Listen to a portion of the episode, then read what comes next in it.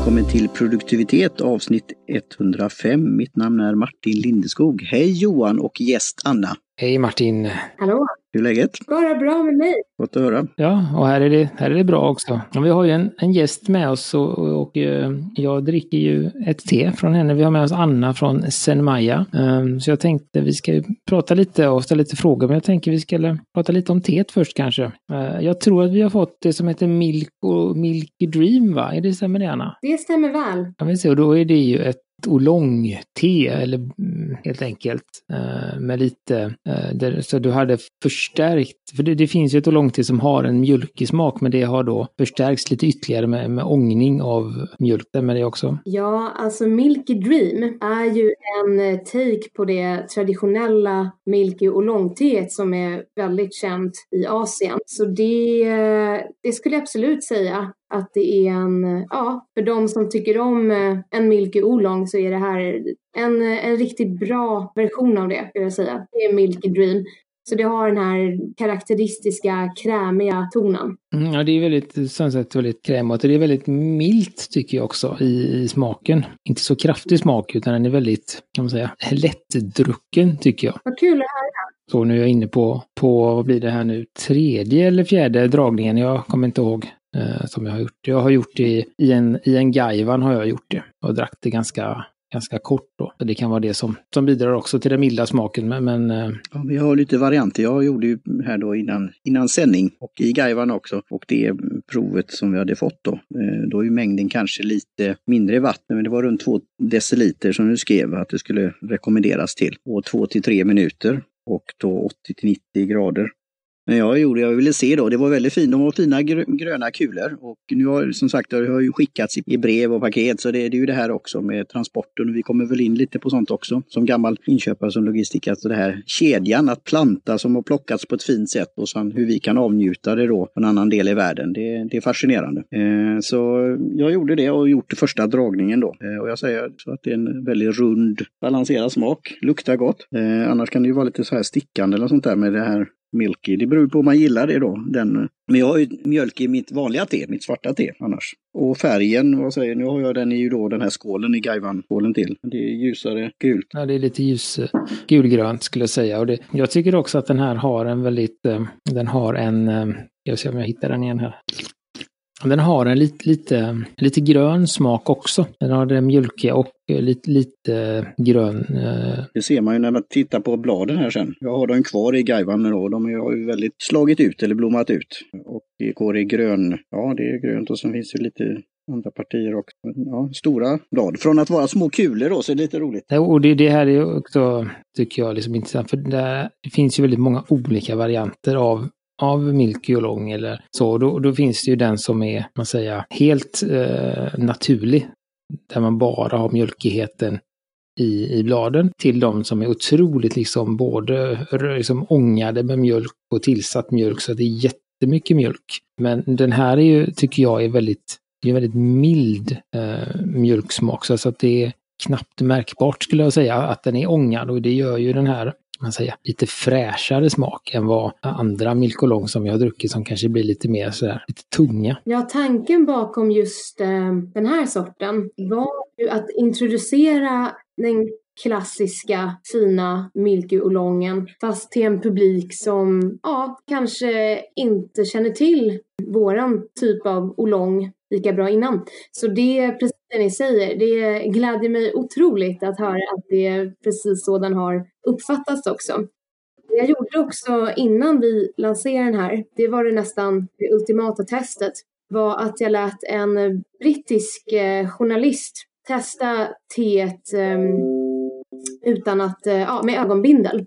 Och då skrev hon sen tillbaka till mig och sa, det här smakar precis som hemma det här är, jag kan se liksom en, ehm, en väldigt rund och söt eh, smak, jättespännande. Fast jag inte har, satt, jag har inte tillsatt någon mjölk i. Så det vart hon eh, fascinerad över. Och tanken är ju att det här ska vara lite som ett alternativ till en Earl Grey med tillsatt mjölk i. Så det är i alla fall det vi vill liksom påminna om men också med en mer intressant och komplex eh, ton i det hela. Ja, vi kommer ju in på det lite senare där hur man klassificerar olika teer och, och processen då. Eh, och det är nog många, vi har väl nu hållit på här då, poddat under x antal år och även då druckit te under rätt många år. Eh, men just att det är fortfarande i västvärlden är det inte så många som känner till kanske då oolong-teer, alltså det här mellan grönt och svart eh, i processen. Så det är ju jättebra att göra en sån test som du gjorde där och se hur det kan eh, tas emot. Vi hade ju då tidigare eh, avsnitt här pratade med eh, Filin Matcha som hade matcha-te.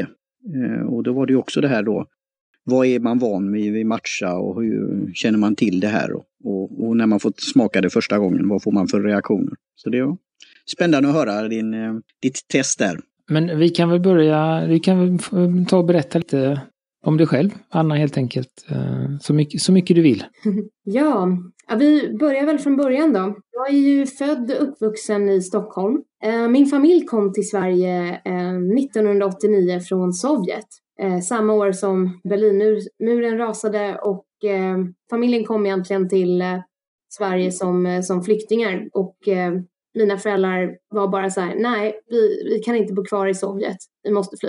Så jag hade en ganska tuff eller uppväxt, en, en glad barndom, men det var den här osäkerheten omkring. Båda mina föräldrar jobbade väldigt hårt. Eh, min mor är pianist och spelade konserter på kvällarna. Och min far var en hårt jobbandes ingenjör och jobbade sent och sen pluggade svenska för invandrare på kvällarna ännu senare. Så jag såg knappt mina föräldrar under mina första år utan växte upp hemma hos mormor och morfar. Mormor och morfar kom också till eh, Sverige lite kort efter eh, mina föräldrar kom. Och jag växte ju upp med te. Mormor liksom läste ryska sagor till mig och eh, lärde mig prata ryska och ja, födde också till ett eh, musikintresse som var i familjen. Men det var just det här med te. Vi drack te. Men inte vilket te som helst, utan det var sånt här fint te. Ett fint te som skulle bryggas och, och det var liksom en stor del av hela vardagen. Så det skulle jag verkligen säga att jag är uppväxt med te hemifrån. Var det med samovar då, Anna? Alltså samovar, absolut. Det är ju liksom, vad ska man säga, det har ju kommit in i kulturen från sagorna och liksom tsartiden och, och de ryska tebjudningarna. Jag skulle snarare säga att det är väl teserviserna som är, som är kvar här med mig. De här klassiska fina gamla teserviser från Leningrad, det som idag heter Sankt Petersburg.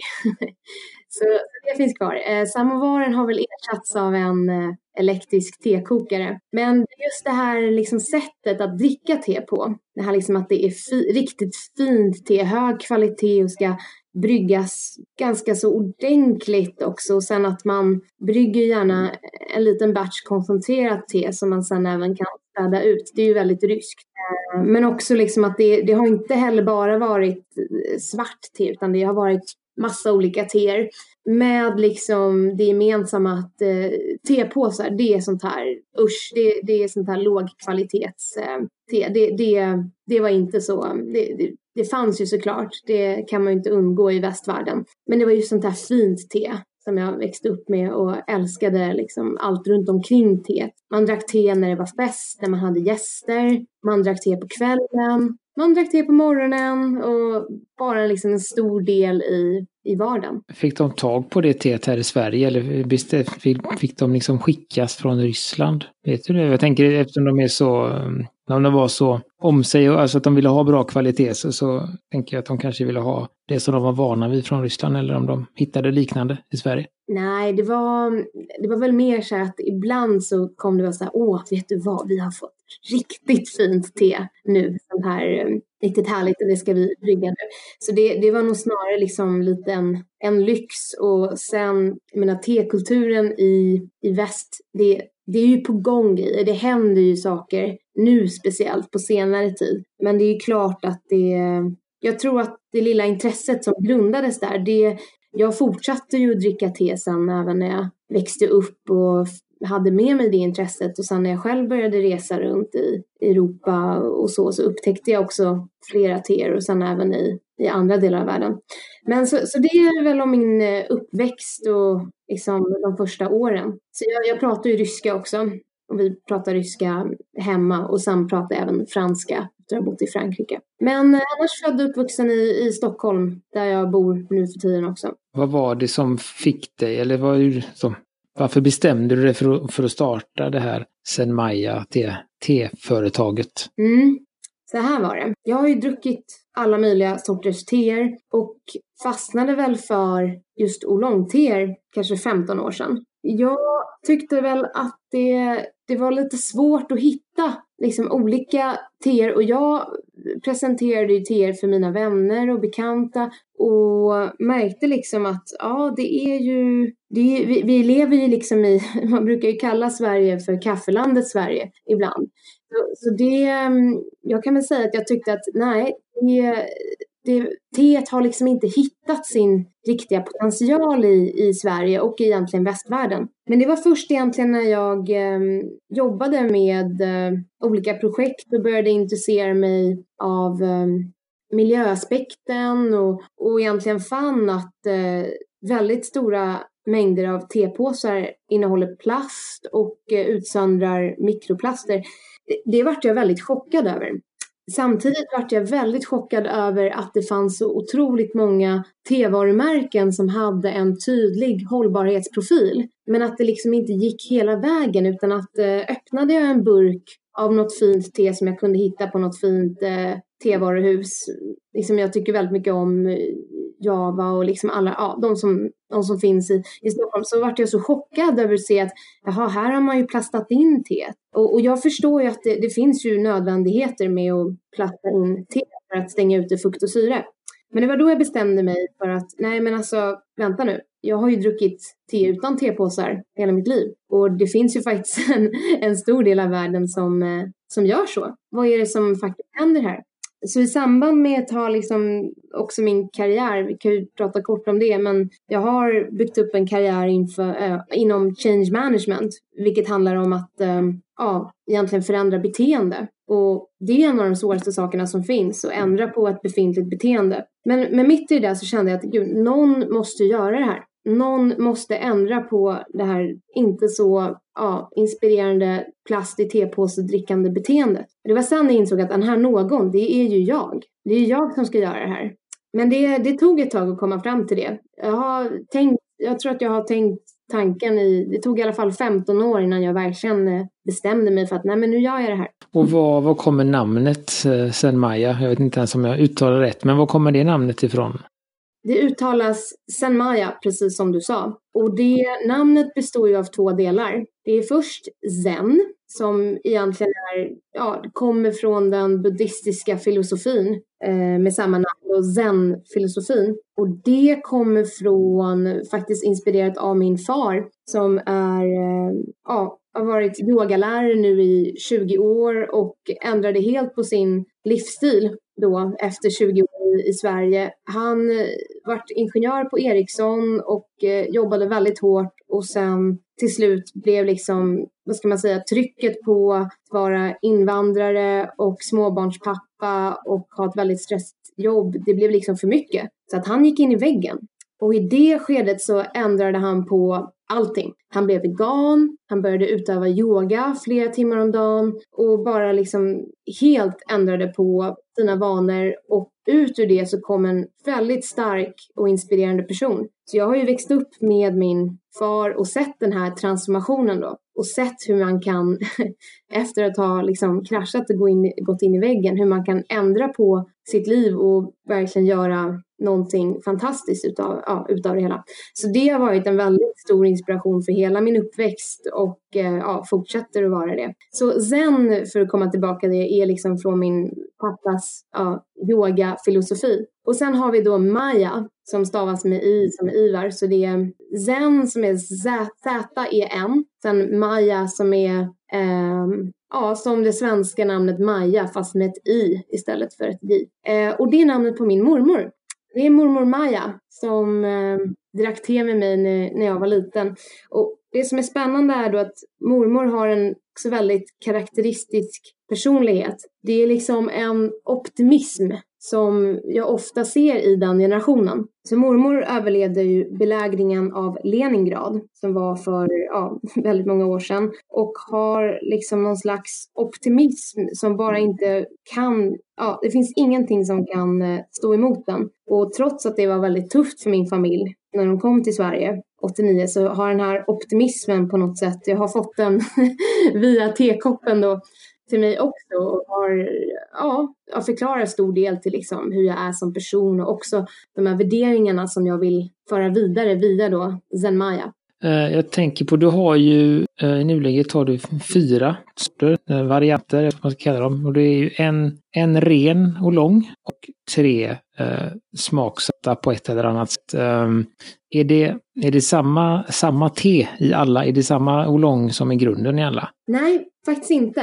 Och kan du ta ett steg tillbaka och kanske prata om just vad är oolong och blått te och, och, bara reda ut de här olika benämningarna.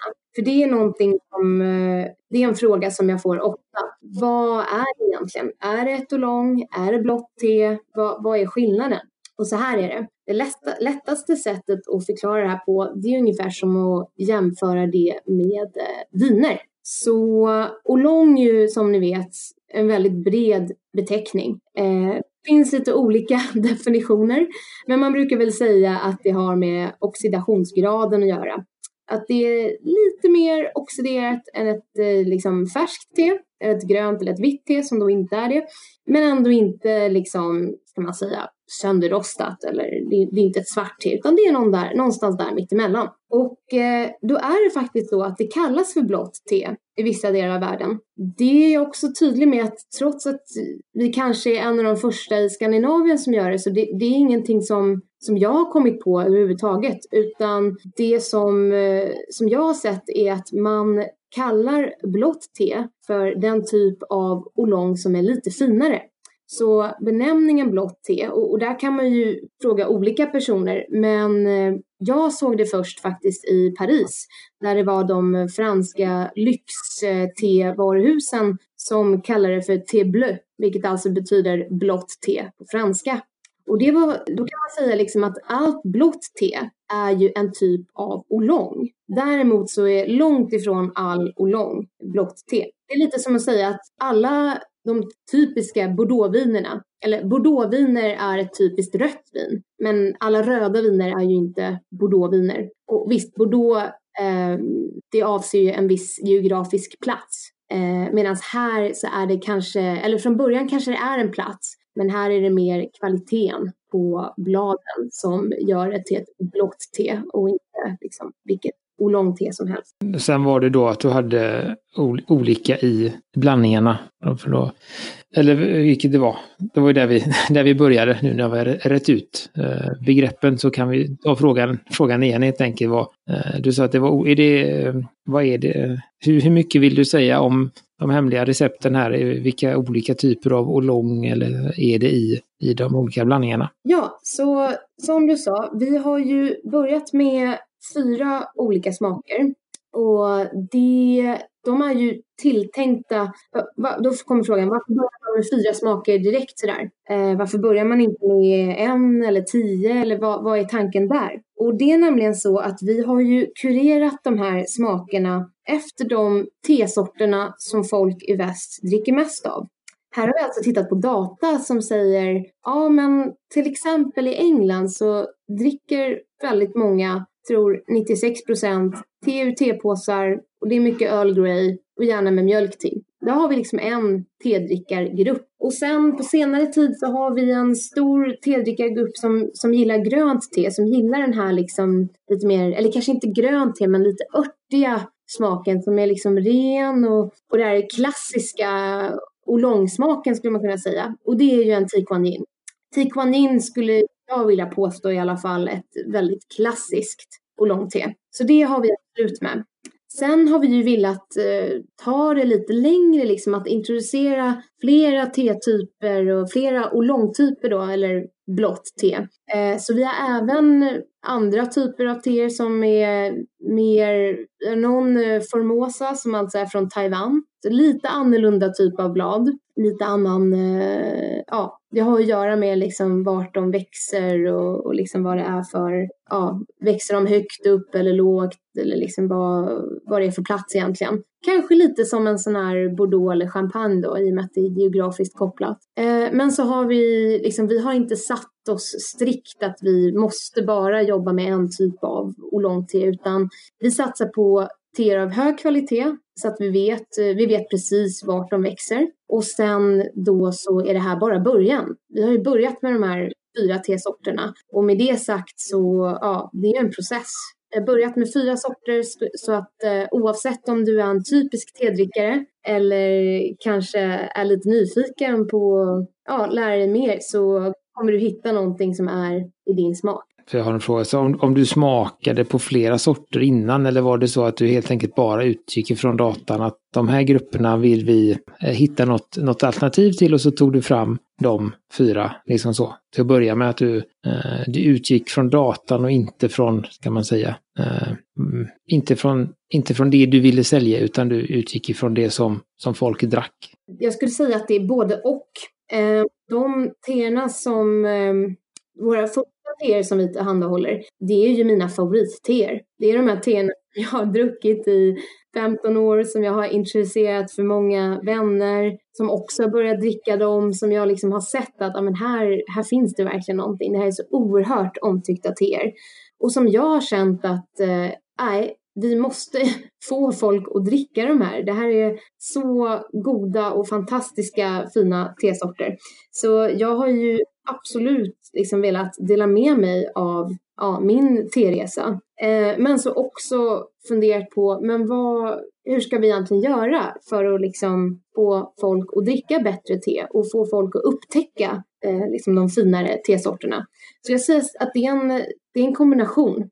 Men syftet har varit liksom att eh, ja, förbättra tekulturen i väst se till att folk får en chans att upptäcka riktigt fina teer. Och där är ju då en liten följdfråga där. Dricker du, du säger att, att de här, de teerna som du erbjuder är baserat på de teerna du tycker om. Eh, och drick, nu när du har ett eget liksom, temärke och så, dricker du andra teer eller, eller är du nöjd med det du har i ditt eget utbud? Eh, man säger så. Dricker du bara ditt eget te eller, eller eh, dricker du annat också från andra håll? Oj, jag tycker ju det är oerhört spännande att testa sorter. Och det är det som är så fantastiskt, att det finns ju så många olika sorter. Det finns ju oändligt mycket sorter att dricka. Med det sagt ska vi säga att ja, det var också därför jag tyckte det var fördelaktigt att ha fyra olika smaker till att börja med. För då tröttnar man ju inte. Jag är ju så att jag dricker en sort och så dricker jag den ja, dagligen i kanske två, tre veckor och sen så eh, humöret liksom vill något annat och så byter jag till liksom en annan sort och,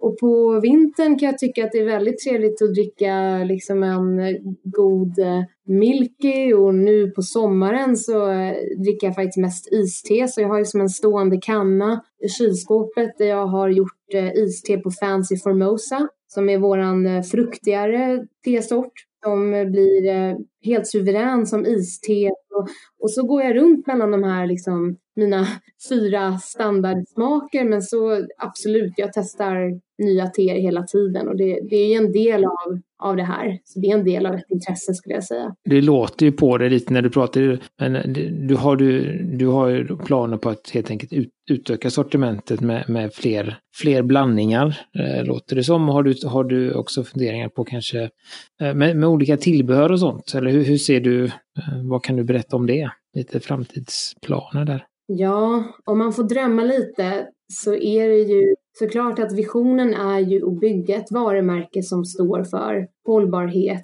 kvalitet och som inspirerar till en sen livsstil. Eh, så det finns ju absolut eh, tankar och idéer om att utöka sortimentet.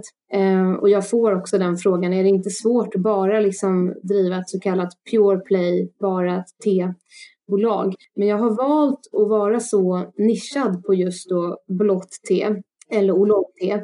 Så jag tror inte att jag kommer eh, ta in liksom något annat te som inte är liksom i linje med vår vision. Och det har vi inte pratat så mycket om men en väldigt stor del i det jag gör är just att visa västvärlden att man faktiskt inte behöver dricka te ur tepåsar. Det går att göra på ett annat sätt. Det är, eh, det är inte lätt att få att inspirera folk till att faktiskt bryta vanor eller göra någonting annorlunda. Men jag har sett att när man väl får det att funka så är det så oerhört tacksam. Så jag skulle säga att det kommer absolut komma liksom ett utökat sortiment och det kommer alltid vara drivet av det också folk vill dricka.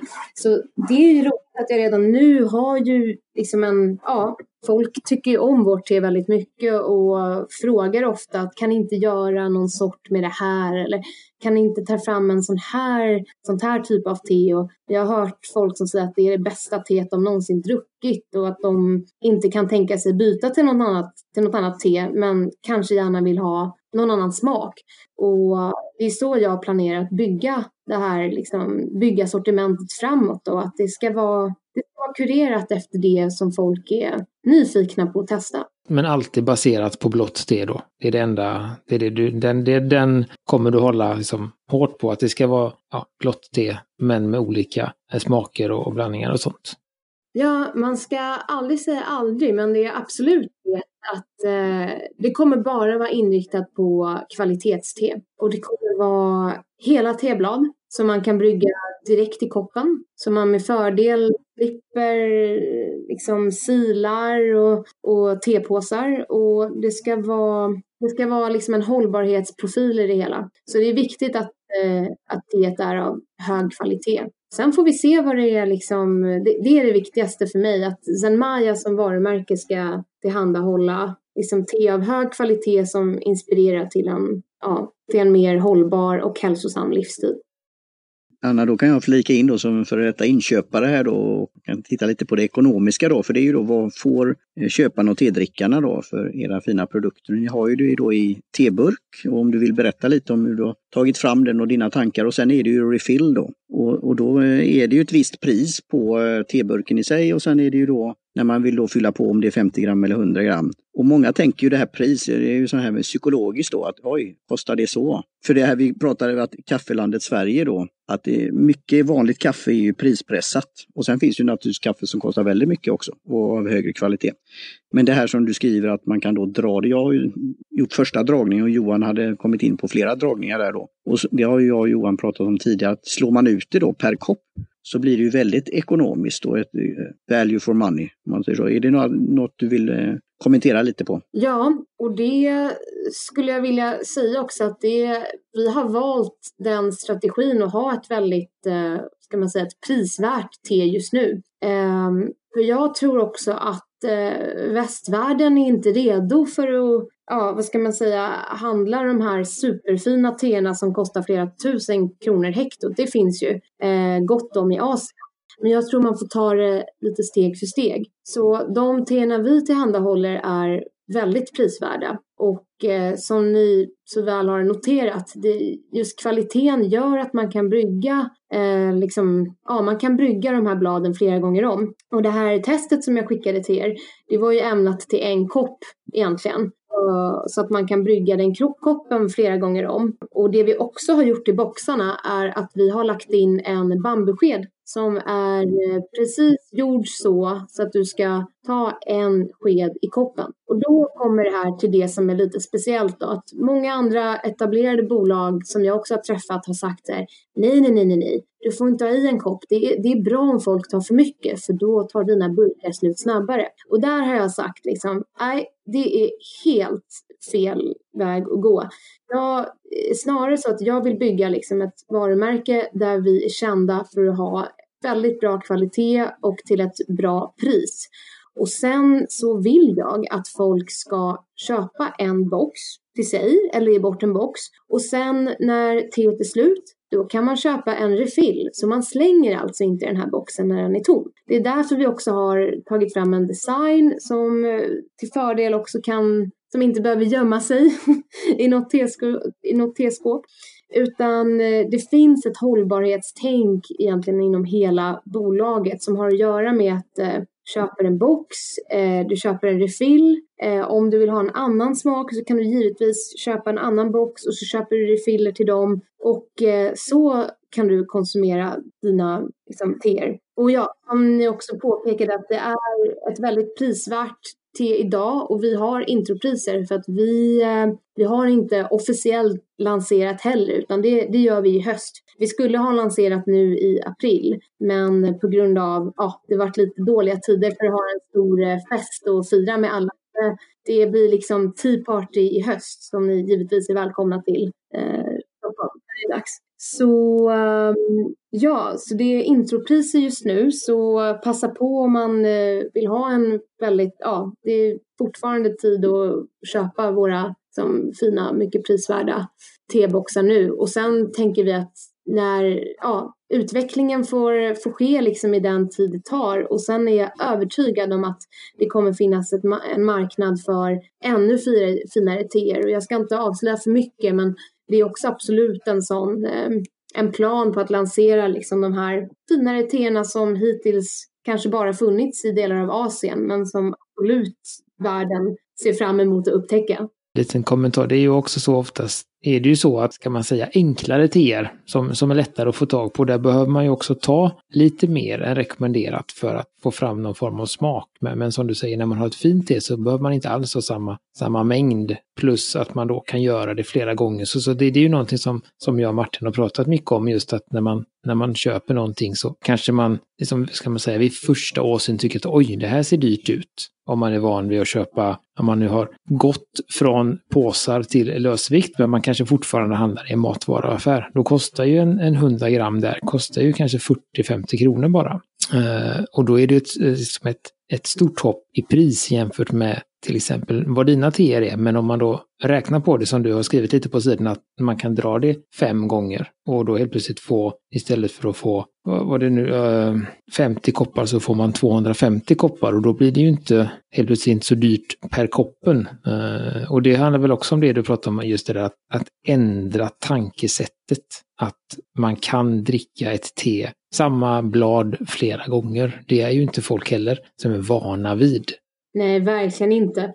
Eh, och det också tror är ju det som folk kan eh, relatera till. Det är det här när man försöker göra det, att man går till eh, matvarubutiken och så köper man te i tepåsar. Och sen när man ska hälla på lite mer vatten då, då, då har man liksom bruntfärgat vatten i sin kopp andra gången som inte smakar någonting. Och då blir det ju väldigt uppenbart när man plötsligt har att göra med ett riktigt te. Att jaha, det är så här te är. Men det är självklart att det är jättesvårt att veta om man kanske inte har testat ett riktigt te utan ja, det jag brukar säga till folk som är kanske skeptiska eller som inte förstår eller liksom kanske inte vet om. Det är så här, ta en sån där vanlig tepåse, klipp upp den, titta på te, titta, ser det ut den som, kan man se att det är blad? Eller är det ett sånt där pulver? Är det liksom, ja, det, jag tycker det säger väldigt mycket om kvaliteten, både när det kommer till te i tepåsar. Det är så mycket man kan gömma i en tepåse om man vill det.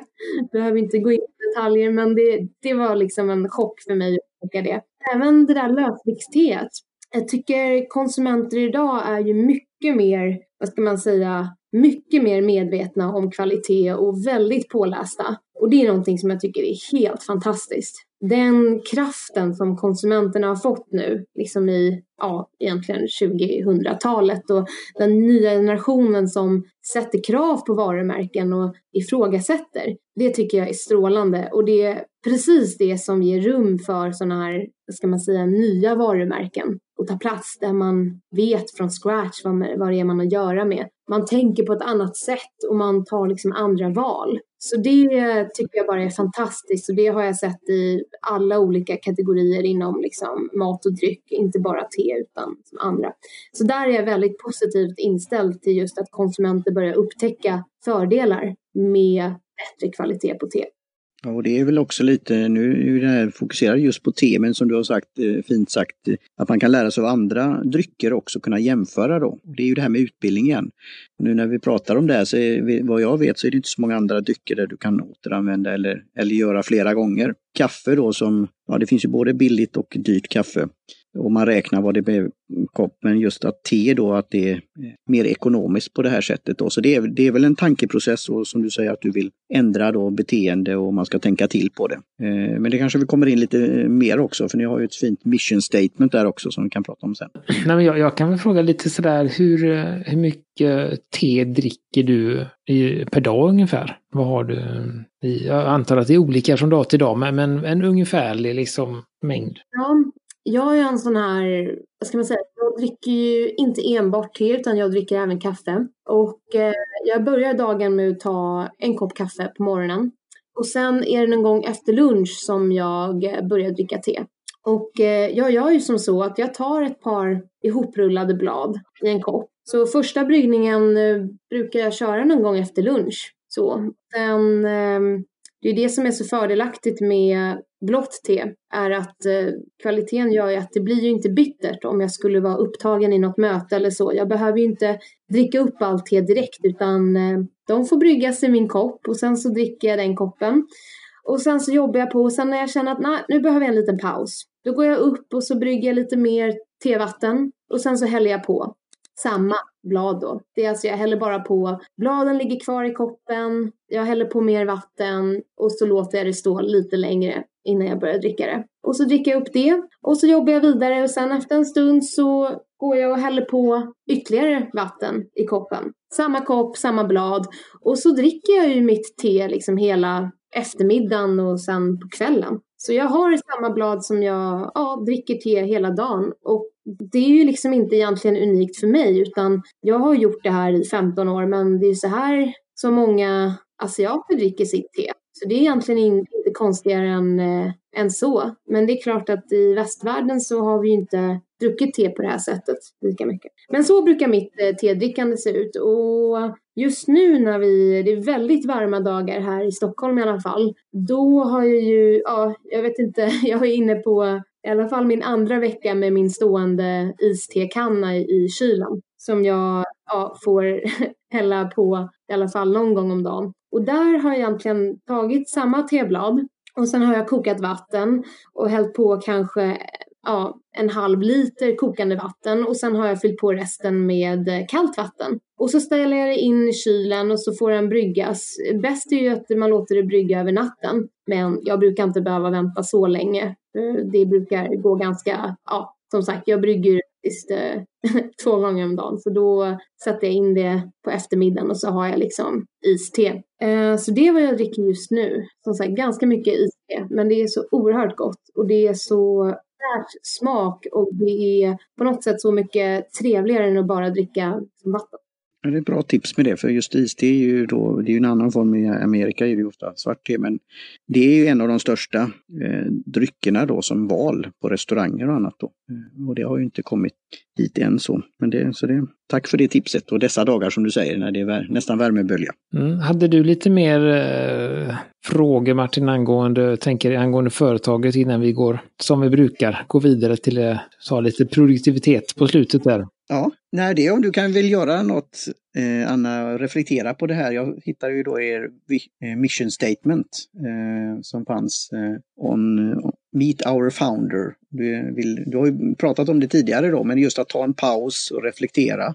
Mind, body and soul och eh, ja, lite så om du vill eh, utveckla det lite grann. Ja, och det, det är väl det här med teet och, och dricka teet på det sätt som jag föreslår. Det är på något sätt, ska man säga, det är mitt bidrag eh, i det här. Att jag har funderat och tänkt och sett, liksom observerat vad som händer i världen och vi är i liksom tuffa tider och inte minst sagt just nu i liksom juni 2020 när vi har det här samtalet utan överlag liksom det är mycket som händer i vår tid. Vi har en konstant press på oss och vi är mer stressade än någonsin. Så då tycker jag att just hitta det här lugnet och det som eh, zen-filosofin föreslår, det är så oerhört viktigt för ens välmående. Och jag skulle verkligen önska att alla kan hitta det här. Och det är just också lite det filosofiska i det, att alla människor går igenom tuffa perioder i livet. Så är det bara. Och det, det spelar liksom ingen roll om man är, ja, vad man har för bakgrund eller vad det liksom är. All, alla har ju någonting. Och, det, och mitt bidrag i det här, jag, jag vill ju att folk ska stanna upp och bara ta en kopp te och bara känna tacksamhet. Jag tror ju att den här optimismen och förståelsen att ja, det, det är tufft ibland. Men om man kan hjälpa sig själv genom de tuffa perioderna och på något sätt få en filosofi kring hur viktigt det är att ändå ta vara på varje dag och att det finns liksom, vad ska man säga, det finns bättre tider och man kommer igenom de här tuffa perioderna. Det tror jag är något som liksom våran generation nu och egentligen alla oavsett vilken del av världen man är i, det, det skulle verkligen behövas. Just det här lugnet som man kan få av att bara ta en kopp te och varva ner. Det speglar lite också liksom hur tankesättet med te i Kina är och liksom, eh, historiskt sett eh, i Kina. Och där har de ju eh, deras filosofi, där är det jätteviktigt att, att innan du ens får börja brygga teet så måste du ta ett djupt andetag för att få en, en lugn i kroppen. Eh, så det har de som en, som en grej att du ska liksom som jag sa, ta ett djupt andetag och så bara känna ron och sen får du börja bygga teet och sen ytterligare då eh, när du dricker teet ytterligare eh, reflektera och få en, den här ron i, i kroppen då. Så. Jättebra. Och du, Anna, du skriver väldigt personligt på din webbplats också, alltså vad som fick dig att tänka till på det här. Så det är ju något jag rekommenderar lyssnarna att gå in och titta och läsa. Eh, och även då optimisten i det då eh, får mig att tänka på Gustav Dahlén och Dahlénmuseet och han hade väldigt många patent, uppfinningar och gick igenom Krügerkraschen, han tappade synen eh, och så här. Men hade, eh, lät tillverka en knapp som det heter, eh, Var optimist eller ja, något åt det hållet som jag har införskaffat som är väldigt trevlig. Och den gav han till folk så när folk sa att ja men det är dåliga tider och jag har tappat smöret eller sålt smöret och kraschen och så här och då gav han en nål till personer han träffade. Så det är något att tänka till på och reflektera. Så väldigt bra sagt Anna. Och kom, när kommer T-evolutionen eller eh, T-evolution har du här på partnership-sidan? Är det något du kan också kommentera på? Så T-evolution, som jag brukar säga, join the T-evolution, det syftar ju till den här revolutionen som konsumenterna redan själva har påbörjat. Och det är just där att låt oss skippa tepåsarna. Låt oss gå tillbaka till så som te är tänkt att drickas. Och man kan ju titta på de som ja, i Asien som har druckit te i 4000 år. Det många inte vet är ju att tepåsen från början var ett misstag. I alla fall om man ska tro på de gamla legenderna. Liksom att det skulle, det var ämnat att bli skickad som en liten sample. Lite likt det här provet som jag skickade till er, som dock var gjort av papper. Men så fördelaktigt så var det gjort av en liten eh, silkespåse. Och silke är ju liksom ett naturmaterial.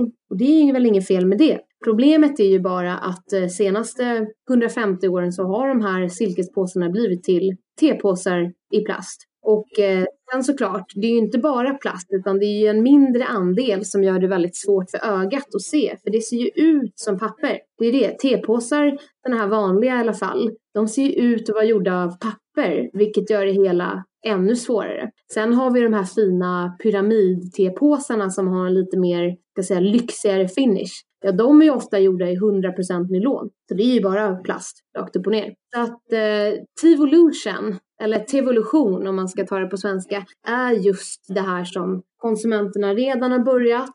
De vill inte ha varken mikroplaster i sin tekopp utan de vill ha liksom, de vill ha kvalitetste. Men då handlar det om att visa dem och få dem att upptäcka ett sätt att faktiskt ta in det här och göra det. Det är en av våra mål, att vi vill leda till evolutionen tillsammans med precis alla andra som vill med på den. När man har ett företag eller, eller du har jobbat även, som du sa, med, med det andra, eh, eh, så, vad, så, så antar jag att, att du har ganska mycket att göra eh, eh och mycket olika saker eh, hit och dit. Och hur, hur, ehm, hur, hur gör du eller liksom, Eh, för att liksom få koll på vad du ska göra och, och få liksom, rörelsen framåt hela tiden? Vad har du för system eller vad använder du av? Jag skulle säga att um, jag har hittat ett sätt att verkligen göra det som är viktigast i en viss tidpunkt. Och det som du säger, det stämmer alldeles riktigt att jag har en att göra-lista som aldrig tar slut. Så är det. Min att göra-lista är så lång så att den, ja, den är oändligt lång. Och hur gör man då för att behålla det här lugnet och liksom inte gå in i väggen och inte jobba ihjäl sig och allt så? Jag skulle säga att jag, jag har aldrig gått in fullt i väggen, men jag har väl känt väggen med nästippen ett par gånger. Så kan jag säga. Och det har gjort att jag har funderat väldigt mycket på just, okej, okay, vad är liksom rätt balans att ha det här? Jag vet dels att jag liksom, jag, jag har alltid haft väldigt höga ambitioner eh, och har ett starkt driv i egentligen allt jag gör. Eh, så det är ju inga konstigheter. Men det handlar ju liksom om att inte, ja, det, det blir ju inte bra om man tar ut sig själv eller liksom springer in i en vägg. Så där har jag väl hittat en balans. Och det är just den här balansen där man kan både få väldigt mycket gjort men också att det man gör är rätt saker. Så eh, jag tror att det var faktiskt när jag jobbade på Bonnier som jag, ehm, innan jag hoppade av och startade Zenmaya, så på Bonnier så introducerade jag ett så kallat agilt arbetssätt men också en eh, modell som jag kallade RSRS. Och den, det är något som jag själv har kommit på så jag tror inte att man kan googla på det där. Jag har inte riktigt eh, satt det någonstans. Men det står för rätt sak på rätt sätt. RS, RS. Och det handlar just om det här, okej, okay, vad är mina topprioriteringar just nu? Vad är det jag ska göra? Vilka är de rätta sakerna som jag behöver få gjort idag eller den här timmen? Och sen när jag vet vad jag ska göra, vad är liksom rätt sätt att göra det på? Ska jag göra det själv? Ska jag ta in en expert? Ska jag kanske inte alls göra det? Eller liksom vad är, vad är rätt väg att gå? Och, och, det kan man väl säga att det har ju någonstans kan ju folk som kanske är inne i någon, någon bransch säga att jaha, men det där är väl bara renodlad strategi. Och med det sagt, jag är strategikonsult i grunden så det finns säkert liksom saker som har kommit därifrån. Men den här balansen, tillbaka till den. Teet, jag har så oerhört mycket att tacka det här teet för. Både liksom att det tog mig igenom alla sena nätter på Goldman Sachs i London, till att det liksom har följt med mig i min karriär som managementkonsult, till att jag till slut tyckte att nej, det här är så bra så att eh, det här får bli mitt bidrag till världen. Jag får introducera det här teet och göra ett varumärke av det och se till att så många som möjligt kan få ta del av det och så att jag kan dela med mig av det här. Så jag skulle säga dricka te och liksom ta hand om sig själv är en så otroligt viktig del i balansgången. Men gör man det så kan man också få väldigt mycket gjort. Så det är liksom, ja, det är den balansen som jag har tagit med mig både i liksom företagandet och också alla som jobbar med Zenmaya. Både praktikanter och liksom partners och alla andra som, ja, som samarbetar ska ha den här balansen i det de gör. Man ska få mycket gjort. Det ska vara, eller liksom man ska ha ett eh, högt tempo så att man känner sig motiverad på topp. Men det ska vara balanserat. Det ska aldrig vara pressat på det sättet. Och har du, eh, jag tänker eh, om, om man nu, eh, jag antar att alla, eller de flesta har väl den här jättelånga listan på saker man ska göra, men sen har man också en liten, liten extra glöd om att man kanske vill starta ett företag eller man vill komma igång med en hobbyverksamhet för någonting som betyder lite mer för en, men man inte riktigt kommer dit. Har, har du något tips för den som Mm, för att liksom, eh, liksom gå lite samma väg ja, men som du gjorde, att, att liksom hoppa på den här brinnande eh, intresset du hade för te och, och att liksom dela med dig. Eh, om, har du något tips om någon sitter med liknande tankar om, om te eller något annat vad, för att komma vidare? Ja, jag tycker att man ska göra det. det och, och som sagt, det, det, är väl ingen surprise. Och man ska vara medveten om att det är inte så glamoröst och, och lätt som man kanske... kommer ihåg när jag själv läste alla såna här solskenhistorier om att eh, någon grundade ett bolag och sen så tio år senare så är det ett världskänt eller liksom olika sådana här fantastiska historier som det finns. Där vill jag säga att det är jäkligt tufft. Ja, ursäkta språket, men det, det är väldigt tufft. Men just den här känslan att stiga upp på morgonen och känna att wow, jag vet verkligen varför jag gör det här. Det här är mitt bidrag. Och liksom varje person som skriver eller säger till mig att åh, så gott. Fick precis en notis på Instagram här av någon som liksom skriver fyra eh, hjärtsmileys och bara bästa teet och med versaler och, och liksom varje sån grej ger så mycket tillbaka. Eh, så oavsett vad man vill göra så ska man, ja, man ska ta vara på liksom den energi och sen ska man omge sig med folk som kan peppa en. För det är också någonting som, eh, som är liksom en, en verklighet, att det, det kommer gå upp och ner. Och det är så fint att ha de här människorna omkring sig som kan stötta en, som kommer tro på en, som kommer säga att ja, det är tufft men det kommer bli bra liksom. Och det är det som är det är det som är hemligheten. Det blir bra. Man får inte ge upp. Man måste vara optimist. Så det, det skulle jag säga att det är oerhört fint att kunna göra något som man verkligen brinner för. Det ger en så himla mycket. Så det ger den här extra, extra skulle jag säga, energin till att orka ta tag i liksom ytterligare att göra punkter på den där listan som aldrig tar slut. Har du någon, Anna, som du skulle vilja lyssna på ett framtida avsnitt av produktivitet? Nu har vi fått höra om ditt företag, ditt teintresse och din pension och, och, lite mm, smarta tips också, väldigt inspirerande. Så är det någon du kan tänka på inom tebranschen eller produktivitetsbranschen eller någon annan som just gillar bra te? Ja, jag råkar veta att eh, Tony som är VD för Oatly, han eh, gillar tydligen te. Jag har inte skickat en box till honom, men när man pratar om eh, jag har inte gjort det än. Jag ska göra det snart Tony. Men när man pratar om just revolution och liksom få folk att ändra på sina beteenden så tycker jag att det är en inspirerande person.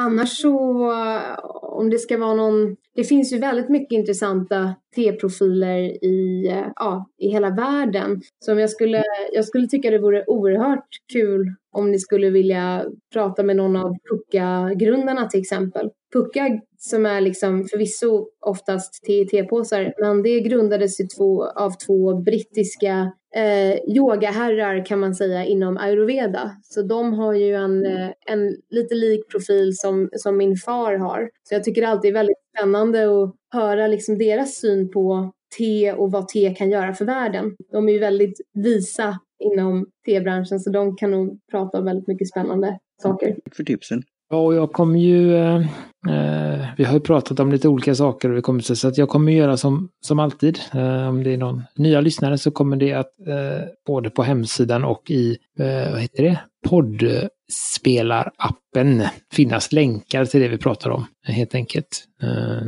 och eh, då kan ju du Anna avsluta med berätta lite vad, vad kan man hitta teerna och vad kan man hitta dig och, och sånt ute på, ute på nätet. Absolut. Så vårt te får köpa i vår webbshop dygnet runt. Och eh, om man vill så kan man också komma och hämta upp teet på vårt kontor. Vi sitter på A-house i Stockholm som är gamla arkitekthögskolan. Ehm, man kan också mejla till info zenmaya.com om man vill eh, säga någonting eller säga hej eller är nyfiken på något eh, eller kanske har något partnerskap som man vill bolla. Så det går alldeles utmärkt. Ehm, men som sagt, jag, jag rekommenderar att eh, handla i våran webbshop. Eh, vi finns på utvalda ställen också. Just nu i Stockholm endast, men det är ju, ja, det är ju sådana tider nu så um, när corona är över så kommer man ju kunna gå tillbaka och hitta oss på eh, yogastudios, på span och så även i liksom välsorterade butiker som säljer eh, varor med hög kvalitet. Där så kan man hitta oss. Och i framtiden så också att man kan hitta oss på eh, hotell också. Idag så kan man surfa in på www.zenmaya.com. Och där står även lite mer information. Vi har en blogg som vi lägger upp löpande recept på och eh, ja, lite annan inspiration och om man vill veta mer om eh, blått te. Mm.